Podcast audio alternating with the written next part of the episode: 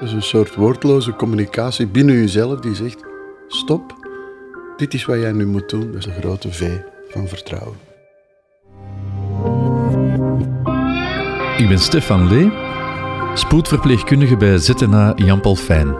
Sinds 1998 ontmoet ik elke dag tientallen mensen. Met een mug of op de spoeddienst zelf.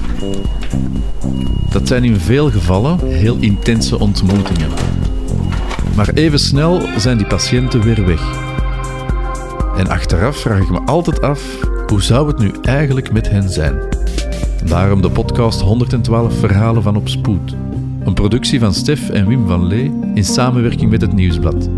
Waar ik de mensen opnieuw ontmoet weg van sirenes en de geur van het ziekenhuis.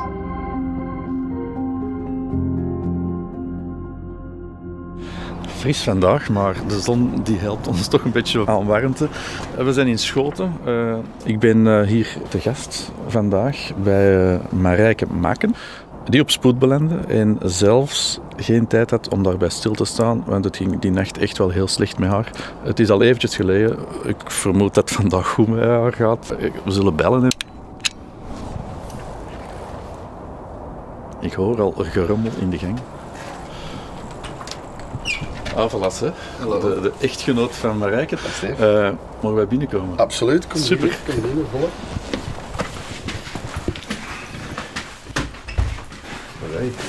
Dankjewel. Vlaamse gang. Dag Stef, dag broer van Stef. Dag Marijke. Ik weet uw naam niet. Hallo, uh, Wim. Wim, hey. Dag Wim. Hey. Hey. Tof dat wij uh, op bezoek mogen komen. Tof dat je erbij bent. Ja, voilà. Kijk, leuk. Zit al, hè? Mogen wij hier in de Ja, ja, Dag Marijke, lang geleden. Dag Stef. Hoe gaat het met u nu? Fantastisch. Gelukkig. Jij bent binnengekomen met de ziekenwagen. Klopt. het, het, was vrij ernstig eigenlijk, uh, hoe dat je bent binnengebracht. Wat weet je daar nog over? Eigenlijk, om eerlijk te zijn, heel weinig. Ik herinner me alleen ontzettend veel pijn. En ik kan wel wat pijn hebben, dus ik dacht straks gaat het wel over. Maar dat ging dus niet over. En op een gegeven moment heeft Jean gezegd...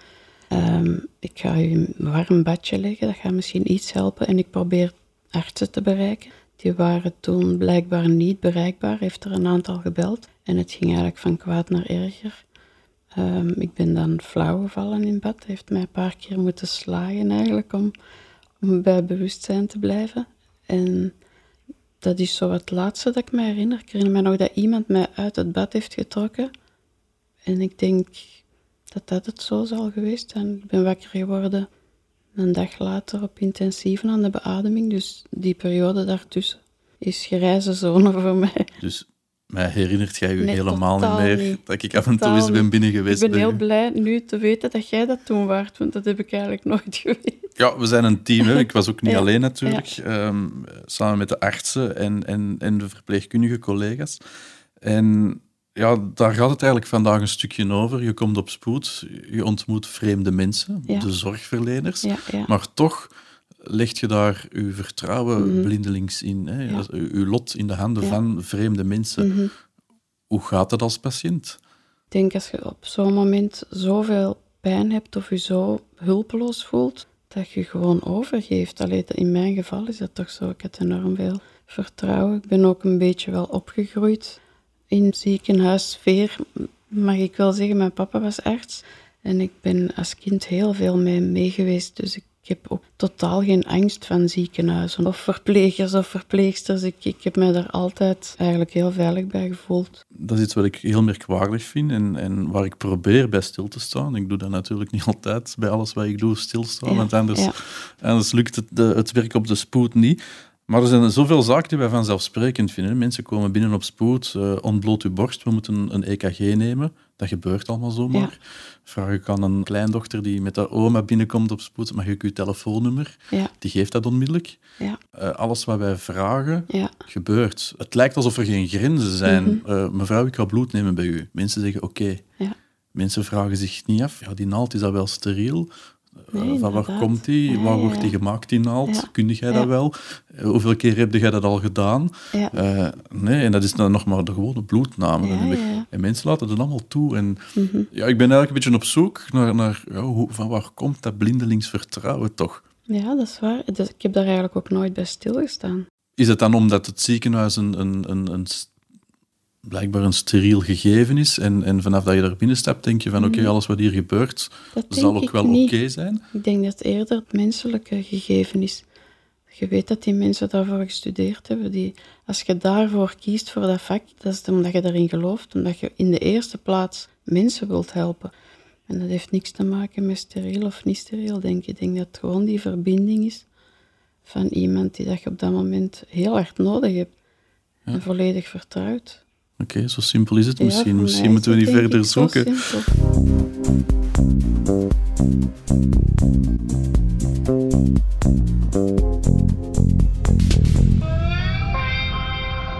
Toch vind ik het merkwaardig. En anderzijds zeg ik altijd aan, aan, aan mensen van, "Wa- wa- wat maakt uw job nu zo mooi? Ja, dan is het ook dat. Ik vind het ook heel fijn dat mensen vertrouwen hebben in mij. Ja, Op een of andere manier. mhm. En eh, dat maakt de job gewoon heel boeiend. Hè. Je gaat in, inderdaad in, in, in connectie met mensen die je eigenlijk niet kent. Hè. En dat is in de twee richtingen. Zo. Ja. Je bent eh, naast eh, illustrator ook muzikant. Je Ja. maakte eh, in 2021 het nummer Witte Lakens. Over corona ga ik het echt niet hebben, dat vind ik heel fijn. maar het is wel gemaakt in die periode. Ja. Ehm, is de appreciatie voor de zorg eh, gegroeid door uw opname? Absoluut. Allee, dat was eigenlijk daarvoor, want anders had ik dat lied niet gemaakt. Het was ervoor al gegroeid. Ik zag, en we hebben ook vrienden die in de zorg zitten. En, en als ik zag hoe dat, dat ah, allee, wa- waanzinnige stappen dat die moesten zetten. En altijd maar opnieuw. En doodmoe zijn en maar terug. En ervoor blijven gaan. Ik, vind dat, ik vond dat ongelooflijk. En eh, ja, ik dacht, daar moet ik iets mee doen. Hè. Dat is ook een, eh, een mooi nummer geworden, hè? Dank je absoluut. wel. De lente van 2020 kon niet zonder jou, zonder jou bestaan. Ja, ook je, je echtgenoot is muzikant. Ja. Gekend als eh, Jean Bosco Safari. En ja, die was er uiteraard ook tijdens uw opname bij, Ja. als, eh, als, als steun en toeverlaat Ja. eh, en als partner. Dag Jean, Dag Stef. je hebt dat allemaal beleefd. Je hebt eh Marijken inderdaad in bed geholpen. En dan plots ziet het even niet meer zitten, denk ik. Want, je belt de Ja. ziekenwagen, klopt? Ja, ja. Ja, je probeert, eh, je probeert eerst de, de, dokters te bellen, totdat, totdat dat logisch wordt dat, dat, dat je geen tijd niet meer hebt. Je merkt ook dat je tijd aan het verdoen bent met op antwoordapparaten in te spreken. En plots zie je, zie je vrouw flauw vallen. En eh, dan heb ik echt gezegd, nu, nu is het de, de ambulance. En dan, ja, dan ging het ontzettend snel. Dat gaf ook een, een moet ik zeggen, een heel bruske moedswing eigenlijk. Dan wordt dat ineens lossen. Ik moet dat hier lossen, want die, die komen hier aan. En meneer, eh, u kan eh, ja, even opzij. Allee, ja, je moet dat, moet dat loslaten. Dan merk je ook dat je daar een soort woordloos eh, signaal krijgt van uw systeem. Van, ja, vertrouwen. Hier moet jij eens niet gaan beginnen moeien. Of moet jij de kritische gaan uithangen? Of let op dit of doe dat zo. Nee, het is een soort woordloze communicatie binnen jezelf die zegt: stop, dit is wat jij nu moet doen, dat is vertrouwen hebben.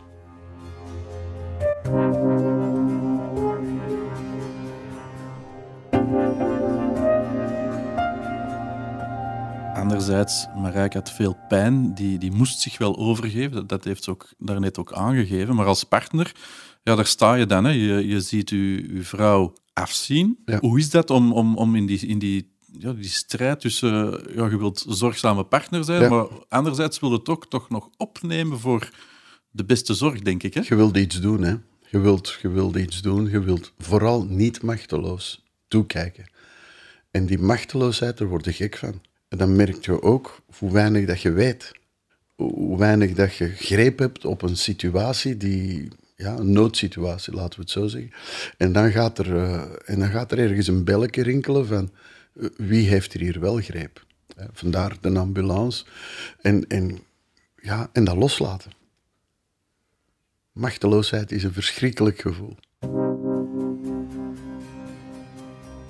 Is er een moment geweest dat je dacht, Jean, dit kan hier echt wel eens fout aflopen?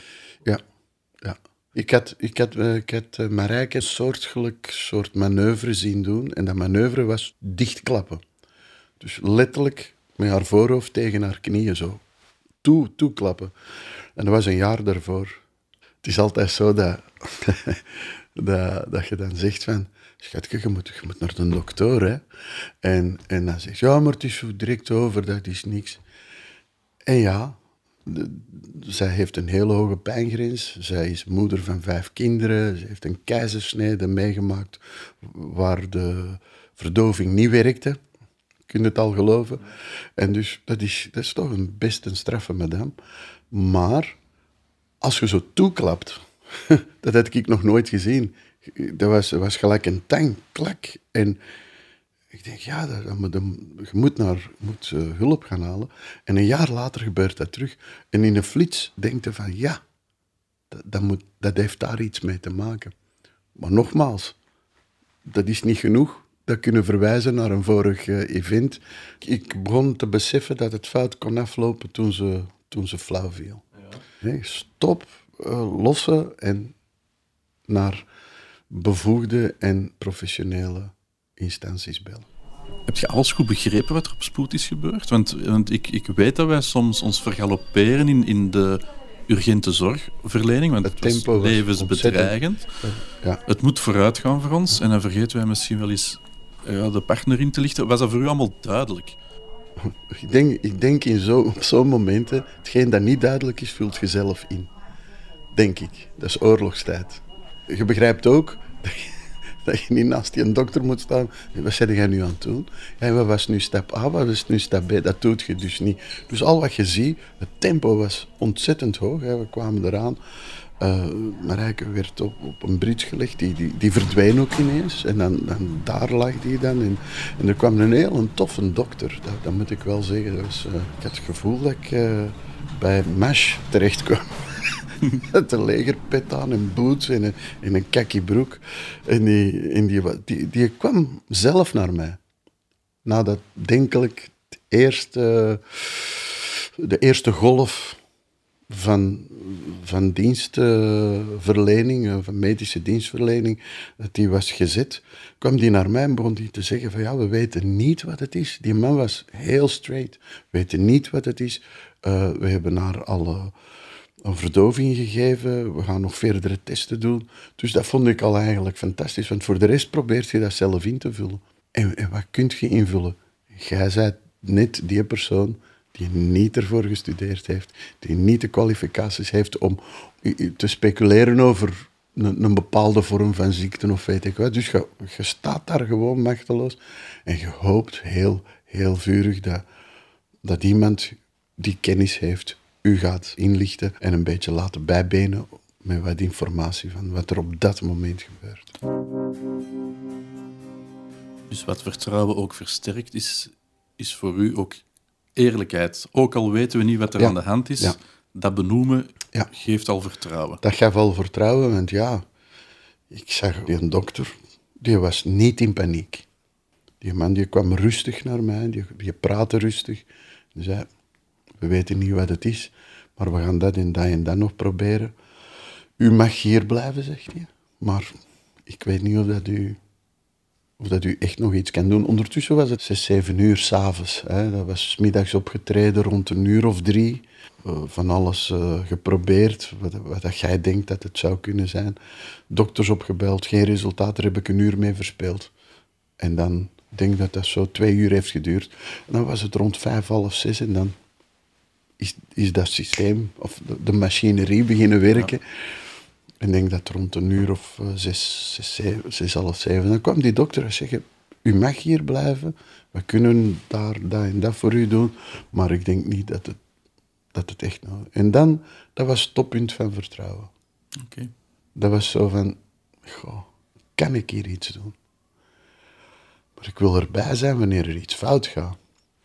En dat, dat was een moeilijk moment. Mhm om dan door te gaan. Ja, dat geloof ik. Want het was ook ja, ergens kantje boordje. Hoe dat wij dat noemen, dat is een acute buik. Ja. Dus, dus, dus, dus er is iets aan de, aan de hand. Ja, wij maken ons ook wel zorgen als hulpverleners. Want als we iemand niet pijnvrij krijgen, dan weten we, en dan ook op zijn Antwerps, er is stront om de knik. Ja, hè. ja, ja, ja. Eh, er klopt echt iets niet. En dat is dan ook gebleken. S'morgens is Marijke in spoed geopereerd en hebben we dan kunnen vaststellen dat er eigenlijk een heel deel van de darm geen bloedvoorziening niet meer had ge- Ja. gekregen en eigenlijk een stuk was afgestorven, wat Ja. enerzijds de pijn heeft veroorzaakt en nadien ook nog de opname eh, intensieve zorgen. Ik, ik was ook bijna in shock toen ik om, om één uur dan dat nieuws kreeg dat er een, een stuk uit een darm, hè, 80 centimeter. Ja, Wow. En dan vraagt u ook af van, was dat een goede beslissing? Of was dat geen goede beslissing? Nou, maar allee, ze leeft nog.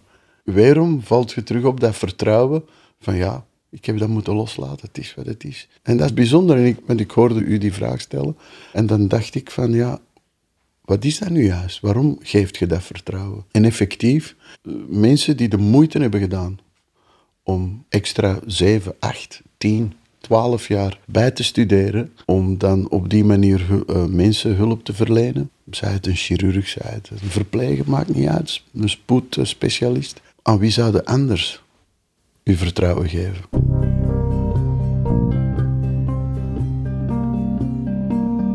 Wat een darminfarct is, ik weet er wel iets van, maar echt niet alles. Wie daar wel alles van weet is dokter Jeroen Lens, gastroenteroloog in ZNA Jan Paul Fijn.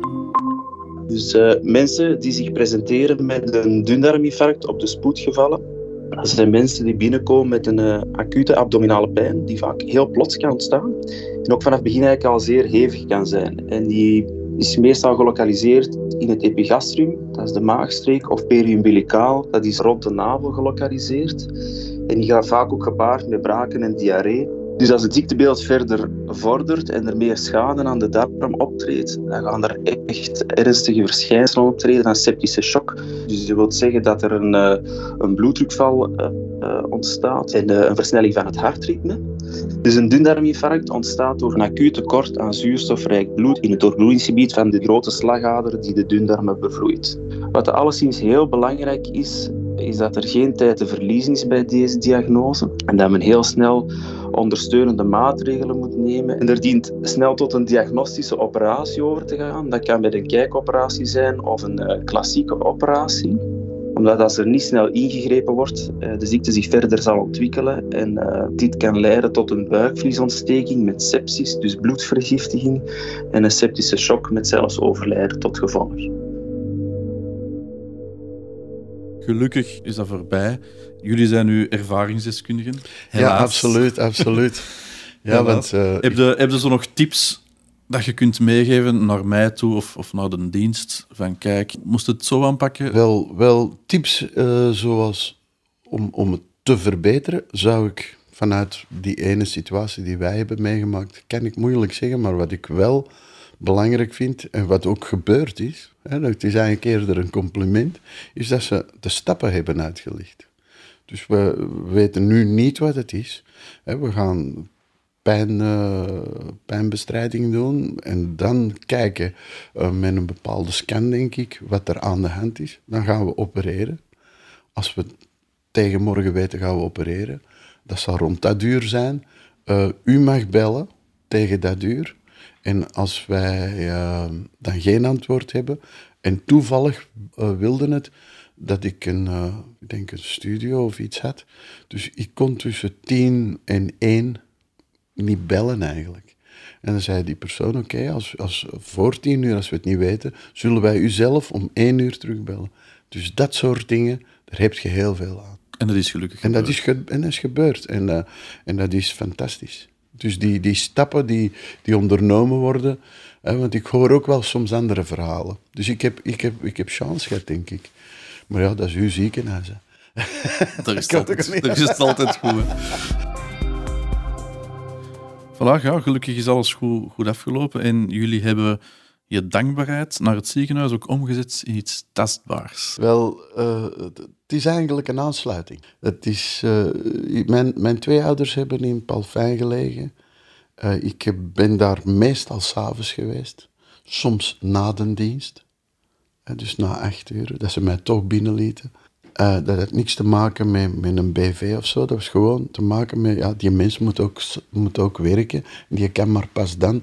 En ik heb daar heel veel, eh, heel veel gepraat met, met, met zorgpersoneel. En ik vond dat die heel veel inzet hadden. En als ik dan hoorde wat dat ze verdienden en hoe ze behandeld werden, dacht ik van wow. Dan heb ik toen ergens beloofd, ik weet dat nog, het was aan de overkant in het Melgeshof, dat ik toen heb gezegd, ah wel, voor de mensen van de nacht, ik zie wat jullie hier allemaal doen. Ik kom hier ooit eens een concertje geven. En, en dat ik dat had gezegd, heb ik dat ook gezegd in Palfijn. En zijn we, ik denk zes, zeven jaar geleden, zijn we begonnen met kerstconcertjes te doen. En die kerstconcertjes, dat begon in vier, in vier kamers. Eh, maar eens dat we dan terug beneden waren, zei ja, maar zeg, het schijnt dat jullie zingen voor kamers. Ja, ja, ja maar op, eh, op derde verdiep, eh, als je dan naar beneden kwam, terug aan, aan de desk. Het schijnt dat jullie... Dus gingen wij van, gingen wij van het een, eh, van het een verdiep naar het ander. Het jaar erop hebben we al die verdiepen dan gedaan. Ja. En zo, zo hebben we dat een jaar of vier gedaan. En, en dat, was ja, dat was echt om onze dank, dankbaarheid te uiten. En nu met de, met de corona werd dat nog eens onderstreept hoe hard dat die mensen toch werken. En hoe, eh, hoe weinig dat de rekening met hen werd gehouden, wordt gehouden. En het is toen, bij ja, dat, Marijke was daar een voortrekker in, dat we een aantal liedjes hebben gemaakt voor de zorg. Want ik heb hier 66 keren op het muurtje gestaan, op mijn hofmuur. Jij bent er ook nog eens opgesprongen, dat weet ik nog. Eh, als wederdenk. Maar, maar dan begon dat echt vaste vorm aan te nemen. En dachten we, ja, dat één lied, Witte Lakens, dat Marijke echt heel mooi eh, gedistilleerd heeft, is echt een ode aan elke zorgverlener van, van Vlaanderen. Ik stel voor aan, aan elke luisteraar, eh, Witte Lakens via YouTube vind je het eh, heel snel. Luister er zeker en vast even naar, dit is inderdaad een mooi nummer. Eh Marijke en Jean, bedankt om, om samen nog eens die beangstigende periode te herbeleven. Ik wens jullie vooral eh, ja, veel gezondheid toe en tot ziens, maar niet op spoed. Ja, absoluut. Oké. Je legt het helder witte lakens uit op hun Geïntrigeerd door deze verhalen? Weet dan dat ik ook een boek schreef, 112 verhalen met, over en op spoed. Uitgegeven bij Uitgeverij Vrijdag en nu beschikbaar in de boekhandel. Dit was de podcast 112 verhalen van Op Spoed. Ik bedank Marijke en Jean voor het fijne gesprek. Dank ook aan de expert voor de extra inzichten. Muziek en montage gebeurde door mijn broer Wim van Lee. Voor de productie werkten we samen met de podcastredactie van het Nieuwsblad.